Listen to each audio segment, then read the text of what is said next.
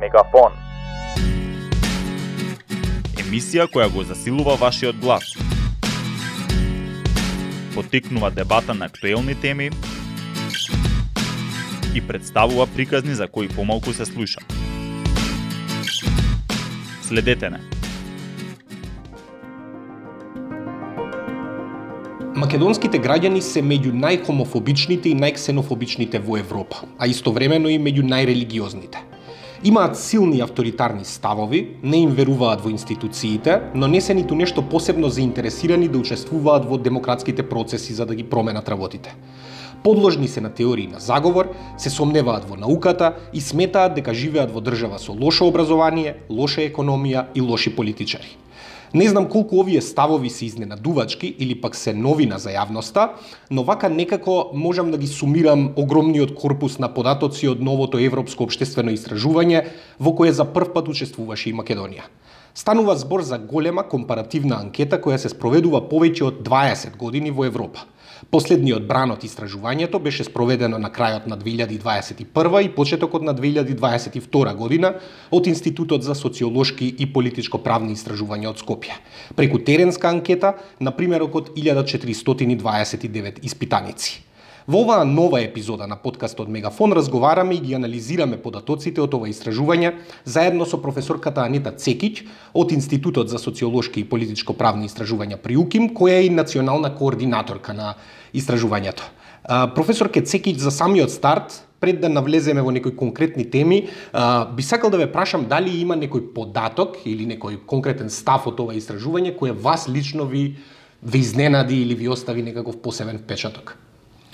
Па, како што кажавте, истражувањето опфаќа голем број на теми и голем број на, на обштествени проблеми кои што се познати во нашата земја. Меѓутоа има и теми кои што до сега не биле истражувани и кои што се однесуваат не само на политика, туку на некои други а, аспекти од обштествениот живот. А, во таа смисла, некои од тие податоци се навистина а, важни и интересни и значајни и се надеваме дека ќе побудат а, понатаму истражувачки интерес кај истражувачите од обштествените науки. Она што мене најмногу ми изненади е нивото на ксенофобија и хомофобија која а, граѓаните ја а, манифестираат во ова а, истражување. А, како држава, некако а, до сега имавме некоја слика дека сме кроток, мирен народ, а, гостопримлив народ, но тоа не го покажуваат барем овие податоци до кои дојдовте. Богатството и предноста од тоа што Македонија за прв пат учествуваше во Европското обштествено истражување е токму во компаративноста. А, значи, со ова ние имаме можност да се споредиме како стоиме на тие а, многобројни индикатори во споредба со останатите земји од Европа кои што учествуваа во истражувањето. И како што кажавте, некои од прашањата од овој блок, особено сега што ги спомнавте, оставовите кон ЛГБТ луѓето и кон а, бегалците и кон, кон миграцијата поточно, да. а, се најнегативни во, во споредба со останатите земји од Европа. А, геј мажите и лесбиките треба да го има да имаат слобода да го живеат својот живот како што сакаат. Со ова тврдење, како што кажавте, се согласуваат само 24% од испитаниците од нашата земја, додека Во десетина земји тој број е век над 85%. Значи може да замислите колкава колкава е таа разлика меѓу меѓу нашите граѓани и граѓаните на Исланд, Холандија, Норвешка, Шведска, Австрија, Германија, Франција, Шпанија, Швајцарија, значи овде станува збори за најбогатите и најразвиените европски земји, меѓутоа и за некои земји од југот на Европа кои што не се сметаат за толку економски напредни развиени како тие земји. Единствено оптимистички во ова е ако ги анализираме резултатите според возрастни категории, uh -huh. иако се фокусираме еве на младите. А, можам да, да, да кажам дека тој процент кај младите е повисок во однос на на општиот процент од целиот примерок или на општата популација изнесува 35.6%. Што значи, повторно е релативно Повторно лошо. е релативно низок процент, секако нели 24% е целиот примерок, но младите од до 20 од 15 до 29 години кај нив овој процент е 35.6. Значи околу една третина од младите сметаат дека дека геи мажите и лесбијките треба да имаат слобода да го живеат својот живот како што сакаат, што е едно едно генерално прашање, не не не е ништо некој по-конкретно, бидејќи имаме и некој по-конкретно прашање од оваа група на прашања, како прашањето за посвојување на деца од страна на, на паровите составени од, од, од геј мажи и, и лесбијки. Во тој случај процентот на целиот примерок е само 6.3, Значи само 6.3 проценти од населението смета дека овие Треба да парови може да Може, да. посвојуваат. Треба да ги имаат истите права како а, хетеросексуалните парови да посвојуваат деца, или а кај младите тој процент е 11.1. А, и наследното прашање, исто така од оваа група прашања, доколку близок член на семејството е геј маж или лесбијка, јас би се чувствувала застрамена. А, процентот кај целиот примерок е 61%, повторно највисок во Европа, додека кај, млажи, кај младите а, испитаници тој изнесува 52.6%.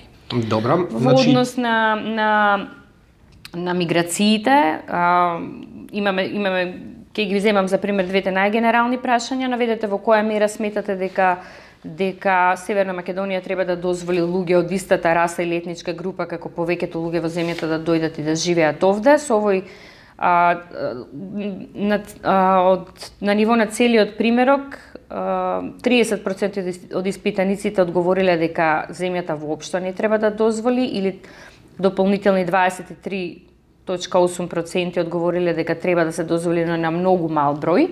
Кај младите тој процент е повторно за околу 7-8%, за 7% понизок, значи 23% одговориле дека земјата воопшто не треба да дозволи на луѓе од иста раса или етничка група да дојдат и да живеат овде, додека на мал број на луѓе а, треба да им се дозволи, со ова се согласуваат 22.5%. А овие овие проценти стануваат уште поголеми кога ќе ги прашате луѓето ш- а, дали би требало да се дозволи на луѓе од различна раса или етничка група да дојдат да живеат овде. вие како истражувач кога ги гледате овие податоци, каде ја лоцирате причината? Факт е дека нашето општество е конзервативно, не само во од аспект на на на ЛГБТ популацијата, меѓутоа кога се работи за други аспекти од оваа идеолошка димензија на либерализам и конзервативизам, значи имаме исто така доста негативен став и кон абортусот, на пример, а, релативно негативен став кај некои попула... категории испитаници кон жените, А, така што, меѓутоа, факт е дека најекстремниот или најнегативниот став е насочен кон, кон оваа популација, а, традиционално, можам да кажам веќе. А кога се работи за, за миграциите, ова е малку поинаква тема, во услови кога исто така населението живее во релативно а, висока сиромаштија, како што е нашата, кога живее во политичка нестабилност, неизвестност, конфликти, корумпирано и а, проблематично општество, Познато е во обштествените науки дека во таков контекст ставовите кон граѓаните имаат тенденција да бидат типо авторитарни и да имаат и граѓаните да имаат негативни чувства кон различни групи, странци, надворешни луѓе, луѓе кои што се разликуваат од традициите и од навиките на тоа население. А не е ново дека кај нас има релативно ниска доверба на граѓаните во владата, во парламентот, во судството. Она што а, ова истражување го прави а, специфично е тоа што споредува со другите држави. Што вам еве ви покажуваат овие разлики бидејќи не знам во а, скоро сите овие категории сме во последните три или четири држави на на истражувањето. А, ние се споредуваме пред се значи со Србија и со Црна Гора, меѓутоа блиски до нашите ставови се и други посткомунистички земји или земји кои што имаат проблеми во транзи... во развој во демократскиот развој, односно проблематична демократска транзиција, а тоа се во многу голем број од случаи а, од прашањата Бугарија, Словачка, а, Полска. Полска, Литванија, Чешка, значи Унгарија, земји кои што имаат а, проблеми со а, со начинот со својот демократски развој имаат одредено назадување од тоа што што може би и беа пред 5-10 години. А, овие резултати, значи нашите резултати се споредливи со земји од, од овој тип најчесто. И кај нив исто така довербата во институциите е ниска, граѓаните се разочарани, имаат голем број проблеми во, во обштествата. Но сепак Македонија е меѓу најниските земја во која што овие наоди се навистина скоро најлоши. Довербата во институциите е исто така едно од тие прашања. Ние имаме најниска ниво на доверба во скоро во сите институции. Кај овие прашања од политичката сфера а, може да се забележи и постоење на еден силен авторитарен систем на вредности кај а, македонските граѓани. Например, а, има едно прашање за а, тоа дали е потребна на државата силен лидер и тука исто стоиме меѓу а, а, земјите кои што најмногу сакаат таков силен лидер, а, кои што мислат дека таков силен лидер им е потребен на земјата. Исто така, на пример, она што ми фати око беше тоа дека 88% на оваа анкета од луѓето во Македонија се согласиле со тврдење дека најважна вредност што треба да ја научат децата е послушност и почитување авторитети. И овие три тврдења кои што ги споменавте се многу стандардни кога се испитува авторитарноста и со жалење еве заклучуваме дека Македонија највисоко рангира на, на, на скорот за послушност и почитување на авторитети се најважните вредности кои децата треба да ги научат. Мала корекција на процентот, тоа е највисок во Европа и 85.4, додека кај младите тоа е 82.1%. Значи, нема, нема голема разлика. А, Исто така, тоа што е изненадувачко е кај второто прашање, тоа што најмногу е потребно на земјата е лојалност кон лидерите, младите имаат повисок проценти од просекот, доколку на ниво на цел примерок тој процент на согласност е 39, во категорија кај категоријата млади од 15 до 29 години е 42,6%. Значи младите повеќе веруваат да. дека им е потребен силен лидер на државата. Да, значи тоа е големо голем аларм и за а, државните институции, за политичките институции, за образовниот систем, бидејќи да, а, како што кажав, авторитарноста е еден од нај најголемите проблеми ако сакаме да постигнеме цел да живееме во едно демократски управувана земја. Еве кога го споменавте образованието, и тука не е земјава за фалење, четврта од зади меѓу сите држави по мислењето за тоа как, каков е квалитетот на македонското образование. Што е вие може да прочитате од од овој податок? А, повторно, не податок кој што не не изненадува а, многу, бидејќи во земјите кои што имаат низок демократски развој и низок економски развој, а, сферите кои што обезбедуваат јавни услуги на граѓаните, како образование и здравство, исто така се слаби и нудат лоши услуги на, на, на граѓаните. Образованието е навистина скоро секојдневна тема во нашите медиуми, се знае за голем, големиот број на проблемите и овие перцепции кај граѓаните се креираат и а, низ личното искуство, одминување во образовниот процес или стекнување на образовни квалификации, како и од општата, нели од општата атмосфера, атмосфера да. во врска со ова. Кога станува збор за доверба во институциите, научниците стојат а, највисоко на таа листа, меѓутоа кога ќе се спореди со сите држави во, во Европа, односно државите вклучени во ова истражување, Македонија стои последна повторно на во ова рангирање помеѓу државите од Европа со најниска фактички доверба во научниците.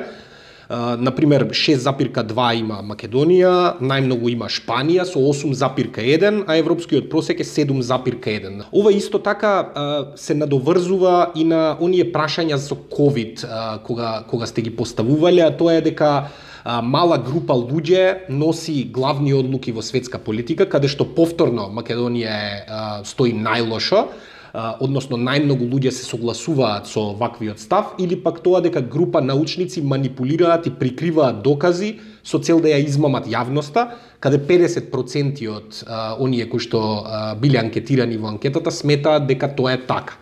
Да, ова се еден од најкомплексните и нај во моментов најактуелните прашања на кои што истражувачите и научниците се обидуваат да одговорат еден од едно од објаснувањата повторно се поврзува со лошата лошите структурни услови и во општествата како сиромаштија, невработеност, лошо испорачување на неквалитетни услуги, искуства со корупција и а, неефикасност на институциите. Многу а, во тој случај граѓаните кога и самите секојдневно се се учесници или ги имаат тие искуства на, на, на нефункционалност во, на системот во, во, во било која сфера, самите стануваат, тие институции стануваат далечни за нив и едноставно се развива сомнеш околу тоа а, зошто е тоа така, дали е тоа намерно така, кој е одговорен за тоа. Ние како научници би рекле дека политичарите, политичките елити, оние кои што ги менаџираат тие институции, тие се тие кои треба да ја сносат одговорноста. Меѓутоа, истите тие политичари знаат и да а, често да да ја манипулираат јавноста и да и да ја вината или одговорноста да нас да ја насочуваат кон други центри.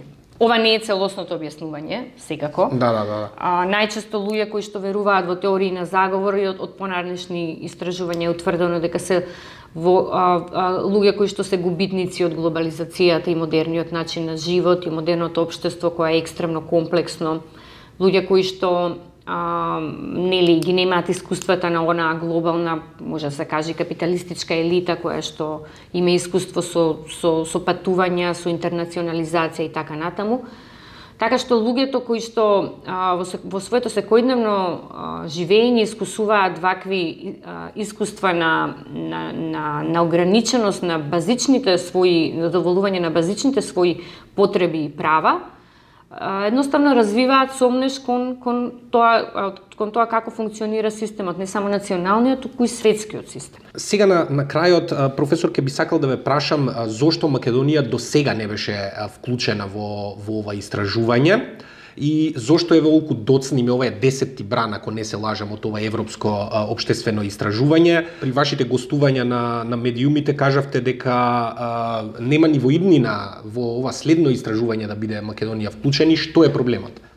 За жал, да, поентата на вклучу, за вклучување во оваа лонгитудинална студија е следење на трендовите и промени и промените што настануваат низ низ времето. А, и исто така со секој следен бран а, има по два тематски фокуси кои што, по два нови тематски фокуси кои што се приклучуваат на анкетата. Во овој случај беа во овој бран беа дигиталните социјални контакти и еден голем а, модул за евалуација на демократијата и демократските институции. Значи за тоа ние добивме податоци. Во следниот бран ќе имаме голем модул за родовните, родовите прашања и за задоволството од односно нееднаквостите во пристапот кон здравствените услуги. Исто многу битно прашање. Кој што ќе го пропуштиме? И ние тоа ќе го пропуштиме. Причината е едноставна, надлежното Министерство за образование и наука не даде согласност кој што е финансиер на проектот и кој што во сите земји е финансиер на проектот не даде не ги обезбеди средствата, односно не, не ни дозволи да учествуваме во следниот, не ни овозможи да учествуваме во следниот бран од истражувањето. И тоа е голема штета, бидејќи вклучувањето во оваа истражување кое што има статус на на високо ценет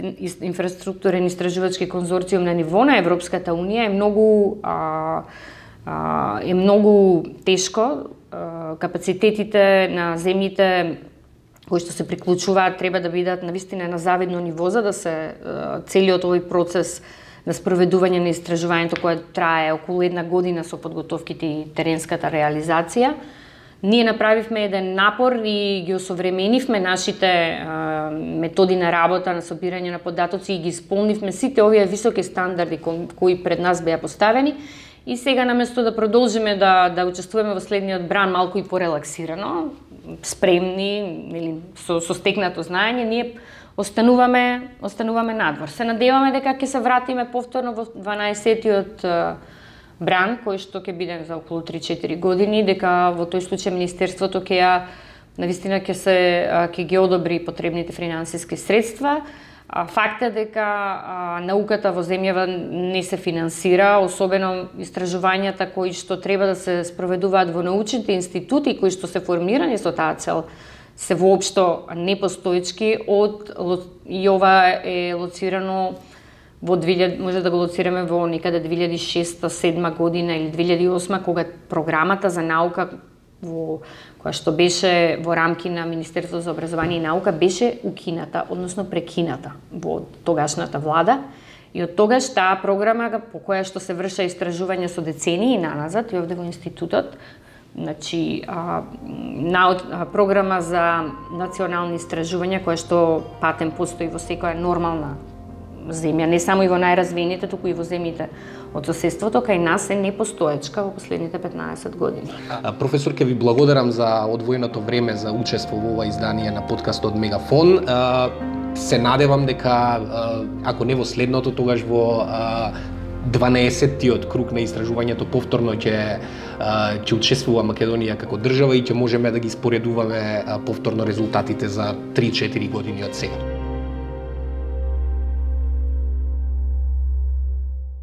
Мегафон. Емисија која го засилува вашиот глас. Потикнува дебата на актуелни теми и представува приказни за кои помалку се слуша. Следете не